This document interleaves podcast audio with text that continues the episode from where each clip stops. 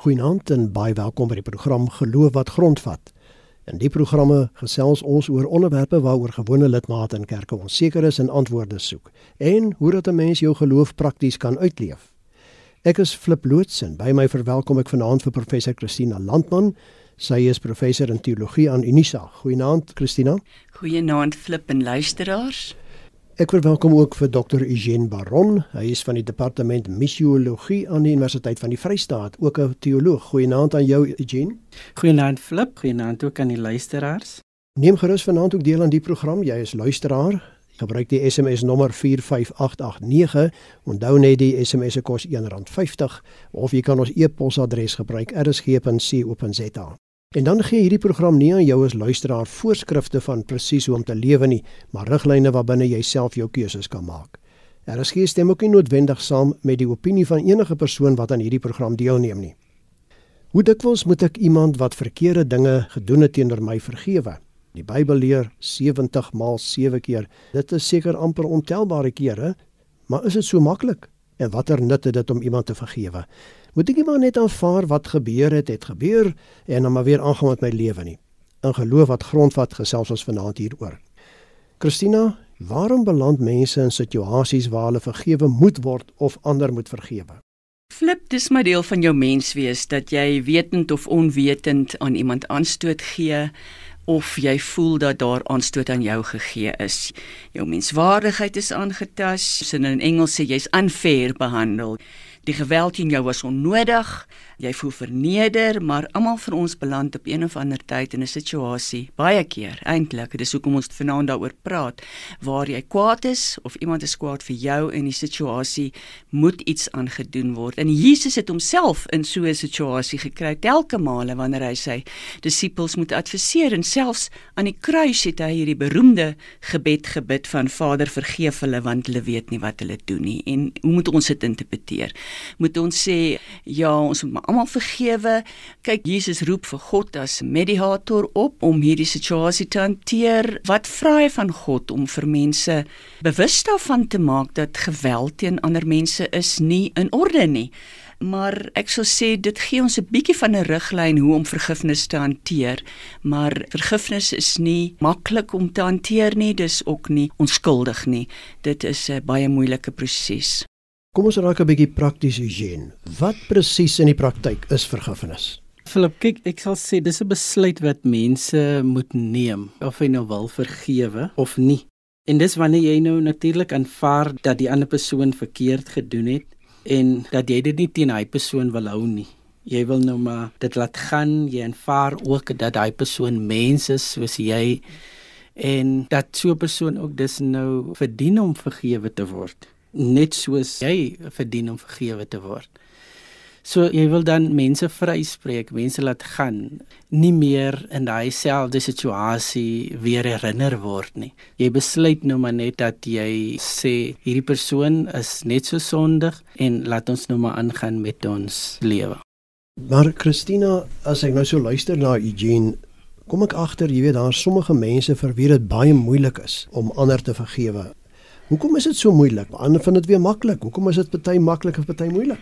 Wel, ek dink dit hang af hoe jy vergifnis sien. Party mense vergewe ander mense sommer net om van hulle ontslae te raak. In partykeer vergewe jy mense omdat jy voel as jy dit nie doen nie dan steel hulle jou gemoedsrus en jy wil liewer vir vrede kies. In partykeer vergewe jy iemand nie juis omdat hy jou tradisie of jou geloof of jou volk aangetas het en jy voel jy kan dit nie sommer so oorsien nie. Maar ek wil net weer beklemtoon, vergifnis is nie eenvoudig nie. Dis nie een persoon wat heeltemal onskuldig is teenoor een persoon wat heeltemal skuldig is en dan moet julle nou ooreenkom wie vir wat moet sien. Kan ek 'n voorbeeld gou-gou noem? Een van die mees negatiewe emosies wat 'n mens kan hê is om verwerp te voel. Nou hierdie vrou raak nou verlief op 'n man en hy verwerp haar. En dan begin sy om te verafskie en te haat, ook om haarself te beskerm, né, want sy het nou baie seer gekry. Nou kan hy sê maar ek het nie vir haar liefde gevra nie. Waarvoor moet ek nou vergifnis vra? En inderdaad kan die vrou dan ook nie van hom vra om haar te help om oor haar pyn te kom nie. Sy moet nou eerder haarself probeer vergewe. Maar miskien sal sy sê, "Ja, kyk, daar gaan hy alweer met 'n ander vrou. Hy het nie net verwagtinge by my geskep nie. Hy is skuldig. Hy moet op 'n of ander manier boete doen. Op 'n of ander manier moet ek hom straf daarvoor." En ek wil eintlik net sê, dis maar net 'n alledaagse voorbeeld om daarop te dui dat Vergifnis is nie 'n saak net dat die eens verkeer aan enigste nagekom en nou stem ons almal saam met vergifnis gevra moet word en waarvoor daar gevra moet word en dan's alles weer happy go lucky nie dis baie ingewikkelde proses. Mense reageer ook verskillend op die geweld teen hulle party sien hulle terugtrek, jy weet, en sê ek bly nou maar net uit jou pad uit. Jy het my nou seer gemaak, jy wil nou nie my liefde hê nie. Ek bly nou net uit jou pad uit. En 'n ander ou sal weer sê, nee, ek gaan jou straf, dan sal ek beter voel as ek jou gestraf het, jy weet. Dis byvoorbeeld as die man die vrou kwaad gemaak het in 'n huwelik en dan weerhou sy liefde van hom en sy straf hom nou want hy het haar seer gemaak. Dan staan ander wat natuurlik nou weer erger voel en voel ek wil daai persoon gewoon van die aarde af vertel. Maar ek dink die Christendom het juis as gevolg van Jesus se woorde, dink die Christendom baie na oor vergifnis. Daar is baie boeke oor geskrywe, daar is 'n baie sterk leer daaroor. Die Christelike konsep van vergifnis is, sover ek dit nou verstaan, is daar's vergifnis, maar daar's ook herstel van die verhouding agterna. Met ander woorde, jy vergewe nie net 'n ou om van hom ontslae te raak nie, jy bou daarna ook 'n liefdevolle verhouding. Miskien is liefdevolle bietjie sterk, maar 'n goeie verhouding met daai persoon op en dan deesdae sit ons ook die idee van belydenis daarin. Jy bely eers wat het jy verkeerd gedoen, dan is daar vergifnis en dan is daar 'n herstelde verhouding want dit is wat God ons geleer het. God vergewe ons en dan herstel hy sy verhouding met ons en hy stap die pad saam met ons. En dis nogal 'n raakvlak flip tussen teologie en sielkunde waar sielkundiges al hoe meer sê en hulle skryf ook al hoe meer daaroor dat hulle hierdie definisie van vergifnis, hierdie Christelike definisie van vergifnis baie sterk kan gebruik in hulle berading en aan hulle heelmaak van mense wat baie seer gekry het. En veral natuurlik by wat hulle nou maar in Engels sê forgiveness intervention wanneer daar nou 'n intervensie moet wees, anders gaan die bloed vloei. Christina verwys daarna dat dit 'n Christelike ding is, Eugene, dat ons mekaar moet vergewe, maar nou nie al ons luisteraars is noodwendig Christene nie, dit gaan meer oor die breë spektrum dan. Maar hoe eie is dit dan aan mense, of dit nou Christene is of nie Christene om ander te vergewe, of is dit iets wat ek moet aanleer? Ja, kyk, as ek nou van uit die Christelike tradisie moet praat, dan is dit nie eie aan mense om te vergewe nie, omdat ons nature sondige mense is. So ons sal eintlik van nature altyd mense wil kruisig. Ons sal altyd wil seker maak dat luister, jy moet boet vir dit wat jy gedoen het. En daar is natuurlik nou nie 'n dag wat verbygaan dat mense nie iets verkeerd doen nie. So ons vergewe tog nou eintlik daagliks mekaar sonder dat ons dit besef. Ons sien nou maar dinge oor. Maar dan is daar wat ek nou so noem 'n tipe threshold waar jy nou net sal sê nou maar jy het dit nou te ver gevat. Nou het jy my seer gemaak want sekere dinge is vir jou toelaatbaar, ander nie. En dan besef jy eintlik dat inherent is daar ook goed wat jy nie wil vergewe nie. So ek sou sê dis nie eie aan ons om te wil vergewe nie want ons is eintlik maar sondige mense. Ons moet leer om te sê ek gaan jou vergewe. So ek moet teen hierdie sondige natuur werk konstant want dis nie iets wat natuurlik net sou kom nie. Dit is natuurlik 'n besluit wat ek sal moet neem en sommige mense vat tyd om daai besluit te neem. Vir ander kom dit vinniger as as vir ander maar ons het tyd nodig om daai besluit te kan neem. Christina, ons praat nou vanaand oor vergifnis en jy moet ander mense vergewe. En baie luisteraars mag nou dalk sê maar ai tog, watter nut het dit om iemand anders te vergewe? Wat sê jy vir hulle sê? Wel, aan die een kant moet 'n mens natuurlik jouself daarteen beskerm om te maklik te vergewe, want dan stel jy jouself bloot daaraan dat die persoon wat hierdie skade aan jou gedoen het, hierdie pyn veroorsaak het, dat hy of sy sal aanhou om dit te doen. So vergifnis moet nog nie so maklik kom nie. En mense voel ook dikwels dat as jy vergewe, dan keur jy eintlik die daad goed wat teen jou gepleeg is. As jy as iemand iets teen jou doen en jy sê ag toe maar dis maar nie so erg nie, dan dink hy ag, weet jy, dit is regtig nie so erg nie, ek kan dit maar weer doen.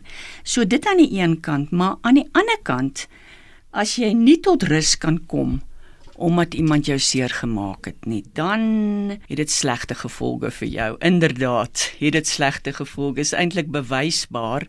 Jy weet, daar's baie studies gedoen op 'n groep mense wat vergewe en 'n groep wat nie vergewe nie en dan gekyk wat is die emosionele effek daarvan op hulle lewens. En daar is bevind dat mense wat vergewe of vergifnis ontvang, hulle self oopstel om vergewe te word, dat hulle baie minder aan angs en aan depressie ly.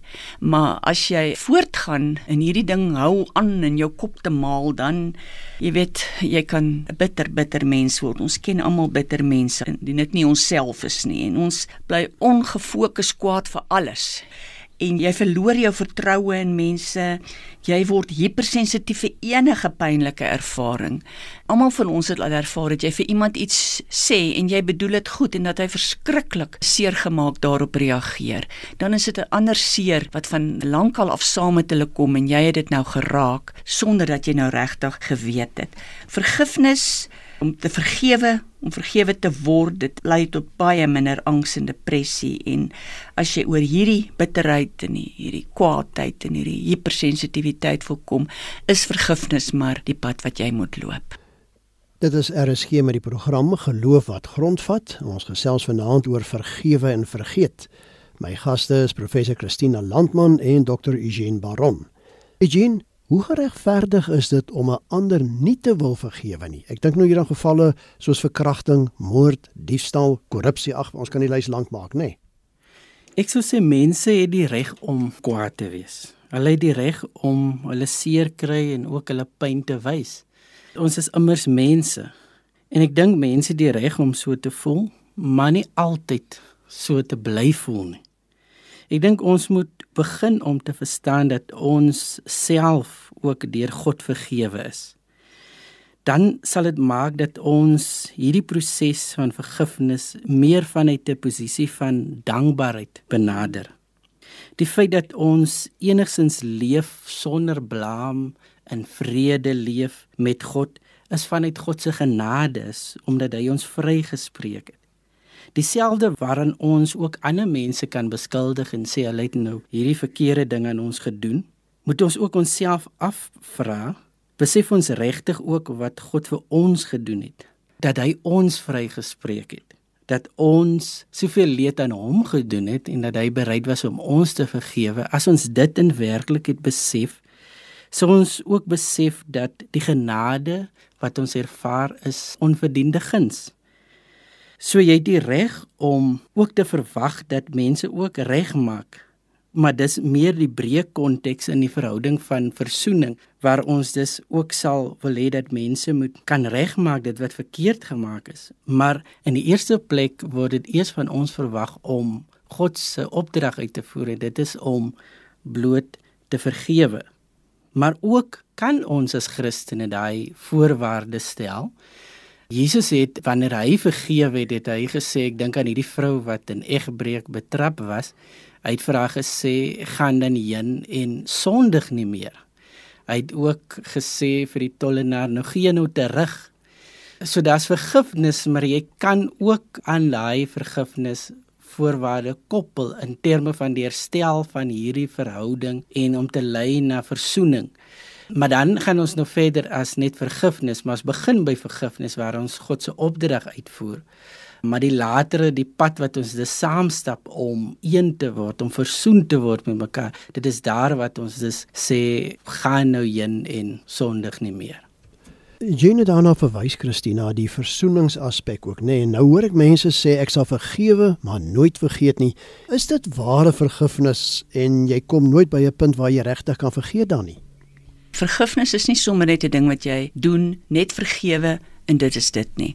Hulle praat eintlik van die driehoek van vergifnis. Eerstens is dit om te vergewe as jy self iets verkeerd gedoen het. Die tweede ding is dan om jouself bloot te stel vir vergifnis wanneer iemand vir vergifnis vra en die derde ding is om jouself te vergewe. En nie een van daai drie prosesse is eintlik maklik nie of eenvoudig nie. Kom ons vat die eerste een om iemand vir vergifnis te vra. Dit help nie jy vra om vergifnis en jou respons op hom bly dieselfde nie of jou gedrag teenoor hom bly dieselfde nie. Daardie haat wat daar was, moet op 'n manier met 'n ander emosie vervang word. 'n Tipe liefde of nie net 'n verdraagsaamheid nie, maar 'n regte respek vir mekaar en daai gedagtes wat ons teenoor mekaar het om mekaar te straf. Dit moet tog vervang word met iets soos soos toegeneentheid en jy moet jou gedrag verander in plaas van die wraak wat daar gelê het wat teenoor mekaar gekoester het, daar moet nou vergifnis dan kom. En soos ek sê, inderdaad het navorsing bewys dat dit angs en depressie en sleg voel oor jouself en selfhaat en al daardie dinge dat dit daar verligting bring wanneer daar vergifnis is.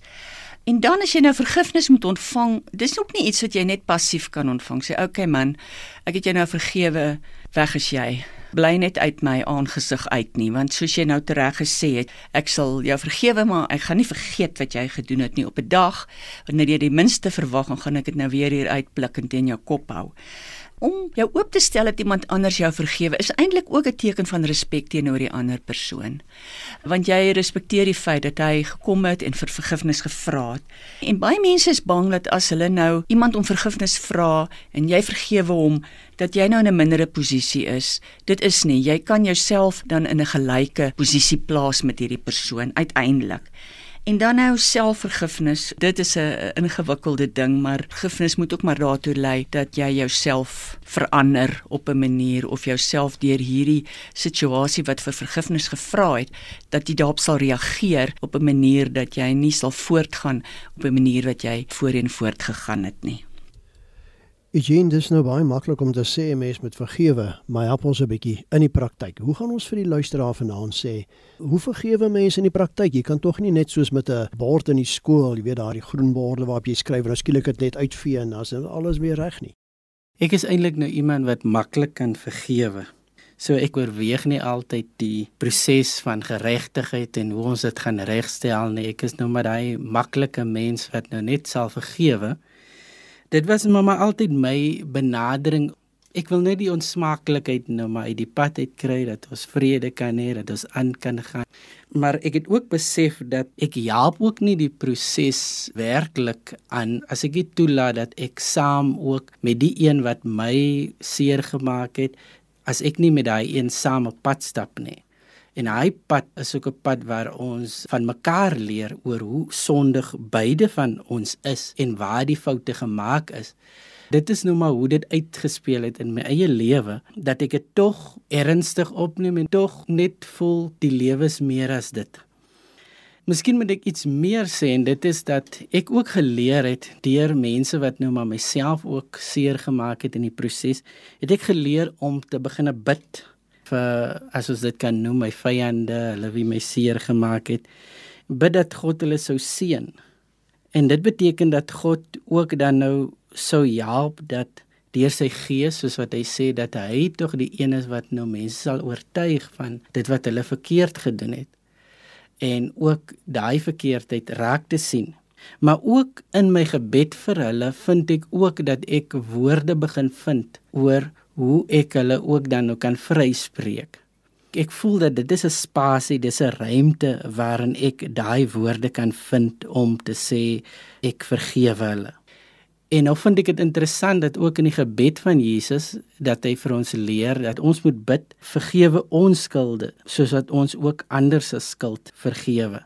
Dis vir my interessant dat in gebed ons dus ook dan nou 'n ruimte skep om te dink aan vergifnis, te dink aan hulle wie ons seer gemaak het en ons wat hulle seer gemaak het en binne daai ruimte van gebed ons daai woorde vind en daai geleentheid vind soms ook om ons laat raak van ons eie pyn en seer en so voort. Dit is RSG met die program Geloof wat grondvat en ons gesels vanaand oor vergewe en vergeet. My gaste is professor Christina Landman van Pretoria en dokter Eugene Baron van Bloemfontein. Christina, om te vergewe is nou maar die een kant van die saak. Nou wat nou daarna? Stappe 'n mens nou maar net verby of ry jy uit na mekaar? Hoe werk die proses na die vergifnis? Ons het amper 'n bietjie onskuldige naïef oor vergifnis vandag gepraat. Weet asof dit nou maar net jou keuse is, gaan ek nou vergewe of gaan ek nou iemand anders se verskoning aanvaar en dan gaan ek net so 'n bietjie beter oor myself voel en so aan. Partykeer doen jy dinge aan mense wetend of onwetend wat geweldige gevolge het. Sien nou maar jy is onder die invloed van drank of onder die invloed van 'n slegte bui of woede en jy's in 'n ongeluk en iemand verloor sy been as gevolg daarvan of jy ry 'n kind dood of jy skiet iemand se oog uit of so iets waar vergifnis nie daardie fisiese ding wat jy aangevang het gaan regmaak nie. Hoe leef jy nou daarmee saam? Dis 'n baie belangrike vraag. Terapeute werk nogal baie daarvan dat jy dan betrokke raak by hierdie persoon in sover as wat hy of sy dit toelaat met 'n tipe van 'n liefdevolheid. Jy weet dat jy nie jou verantwoordelikhede daarteenoor sal wegskram en sê maar ek het nou vergewe, bye bye, hier los ek jou nou maar met jou afbeen of jou uitoog of jou kind wat jy verloor het nie. Maar werklik dan betrokke raak in 'n verhouding by die skade wat jy aangerig het al het jy dit nie doelbewus is aangerig nie. Nou ja, kollegas, kom ons vat saam wat vanaand se program aanbetref. Christina, ek dink jy het dit nou nog 'n bietjie aangeraak, maar hoe nou gemaak as jy jouself nie kan vergeef vir iets wat jy verkeerd gedoen het of 'n ander benadeel het nie? Goed, jy het nou iets verkeerd gedoen. Miskien sit jy selfs in die gevangenis daarvoor. Miskien het jy al jou goed verloor, miskien het jy 'n hofsaak kaal uitgetrek. Ja, hoe vergewe jy jouself? Ai man, punt 1, moet jy maar tot kennis van jouself kom en kyk wat is jou sterk en goeie punte. Hoe kan jy verander dat dit nie weer met jou gebeur nie? Jy moet jou selfbewussyn opskerp. Is selfbewussyn nou die Afrikaans vir self-awareness? Jy moet die meelewing in jou ontgin. Jy moet in 'n mate ook maar aanvaar dat dit gebeur het en dan moet jy op 'n manier maar probeer sin vind in wat gebeur het. Dit is maar maniere wat beraders en terapeute gebruik om jou saam met jou die pad te stap om jouself te vergewe, maar dit kan 'n ernstige vertering wees. Wat egter help is dat ons as Christene mekaar kan herinner. Luister, God stap hierdie pad saam met ons. Hy het ons wel vergewe en ons kan onsself vergifnis daarop baseer. Eugenie, laaste woord is joune vanaand. Hoe korrek is dit om te sê vergifnis is 'n keuse en hoe maklik of moeilik is so 'n keuse? Ja, ek dink dit wat nou verkeerd geloop het in die lewe, dit begin nou maar by jou om te besluit of jy sal wil hê dat hierdie ding wat nou verkeerd geloop het, dat dit nou jou lewe sover jy aangaan dat dit jou lewe sal beïnvloed en dat jy op 'n sekere stadium ook fokus af verloor daardeur. So uiteindelik het jy nou maar die keuse om te besluit, maar ook dit is 'n Bybelse opdrag wat van ons gevra word dat ons moet vergewe. Daarmee saam moet 'n mens nou nie onsimpatiek wees en sê nee maar jy neem en ag dat mense tog seer gekry het nie. Want inderdaad kan jy nie die horlosie terugdraai nie. En in sommige gevalle sal jy nie eens die persoon kan opspoor wie jy leed aangedoen het nie of wat vir jou leed aangedoen het nie. Sommige sou al reeds oorlede wees teen die tyd dat jy dalk wil vergewe. So dit is nou net nie moontlik nie om fisies hulle te vergewe nie. Maar dat jy hulle kan vryspreek ongeag of hulle teenwoordig is of nie. Dit moet jy doen want dit is 'n keuse wat jy moet maak. Maar dit is moeilik as iemand van jou familie breedaardig vermoor is. Ons het nou in hierdie week ook gesien van 'n plaasmoord. Dit is moeilik. Ek bevind myself nie in jou situasie op die oomblik nie, maar dit is 'n moeilike besluit om te doen, maar ons is ook disippels van Christus vanuit 'n Christelike perspektief. En in gehoorsaamheid aan Christus volg ons dis sy opdrag uit om ook te sê dat ons vergewe en dat ons vryspreek, dat ons dus daai eerste stap wil neem ongeag wat gebeur het. Maar ek wil afsluit dit te sê dat dit is ook makliker wanneer ons besef dat ons ook maar in genade leef. God se genade dat hy ons vrygespreek het en dat ten spyte van wat ons elke dag doen, hy ons vergewe en dat ons met dit in gedagte ook dus in dankbaarheid teenoor hom ook ander kan vergewe en saam die pad kan stap. Dit dan al 'n finansie geloof wat grondvat. Baie dankie dat jy as luisteraar saamgekuier het en ook 'n baie groot dankie aan my gaste professor Christina Landman en dokter Eugene Baron vir hulle bydraes. Christina en Eugene, indien van ons luisteraars verder met julle wil kommunikeer, hoe kan hulle dit doen? Christina? Ek sal 'n SMS waardeer op 0823772574. En Eugene? Hulle kan my ook 'n SMS stuur na 076 986 6244. En my kontakinligting is flip by mediafocus.co.za. Ons groet tot 'n volgende keer. Totsiens.